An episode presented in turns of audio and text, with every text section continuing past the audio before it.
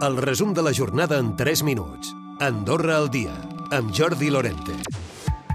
El Partit Socialdemòcrata creu que ara s'ha fet més evident que els rics han de pagar més impostos i que s'ha de replantejar el model de creixement econòmic que hem tingut. Per al president dels socialdemòcrates, el partit en el poder fins ara volia un país de luxe per a una minoria i la resta a treballar, però afegeix que s'han adonat que això no és possible. Ho explicava Pere Baró, sembla que els hi va explotar la bombolla on viuen ells de luxes i de que no hi ha problemes i que doncs, eh, tot va molt bé i van, van escoltar-nos i ens van comprar totes aquelles, aquelles polítiques que els hi proposàvem fa anys i anys i que ens negaven per, per sistema. Els fons de jubilació han crescut els darrers 11 anys per sobre de l'IPC.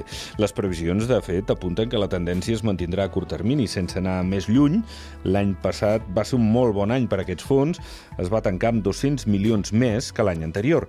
En parla el president de la comissió gestora del Fons de Jubilació de la CAS, Jordi Cinca. El que hem de mirar, insisteixo, és la tendència. La tendència crec que els propers anys la podrem mantindre positivament, eh, l'hem d'intentar, així ens ho fixa la llei, eh, mantindre per damunt de l'IPC, i nosaltres confiem que els propers 3-4 anys encara estarem amb aquesta, amb aquesta tendència. Qui no és gaire optimista és el representant dels pensionistes a la CAS, que creu que ja anem tard amb el que ha de ser la reforma de les pensions si es vol mantenir la seva viabilitat. És Jacint Risco. És urgent perquè finalment hem de, hem de tenir clar cap on volem anar, perquè anem tard, tots els sistemes de, europeus de, de, de pensions han canviat, vis-a-vis -vis del llibre blanc de la, de la Unió Europea sobre les pensions, i nosaltres a Andorra pues, dona la sensació, i amb tots els respectes per tothom, és que ens hem adormit. I aleshores jo crec que ens hauríem de despertar. El nou president del Col·legi de Psicòlegs, Òscar Fernández, creu que cal renegociar les condicions del conveni amb la CAS per fer-lo més atractiu i tenir-hi més professionals adherits. Hores d'ara són vuit els que ja treballen en aquesta cartera de serveis i n'hi ha una dotzena que estan en procés. En total en serien una vintena. Òscar Fernández.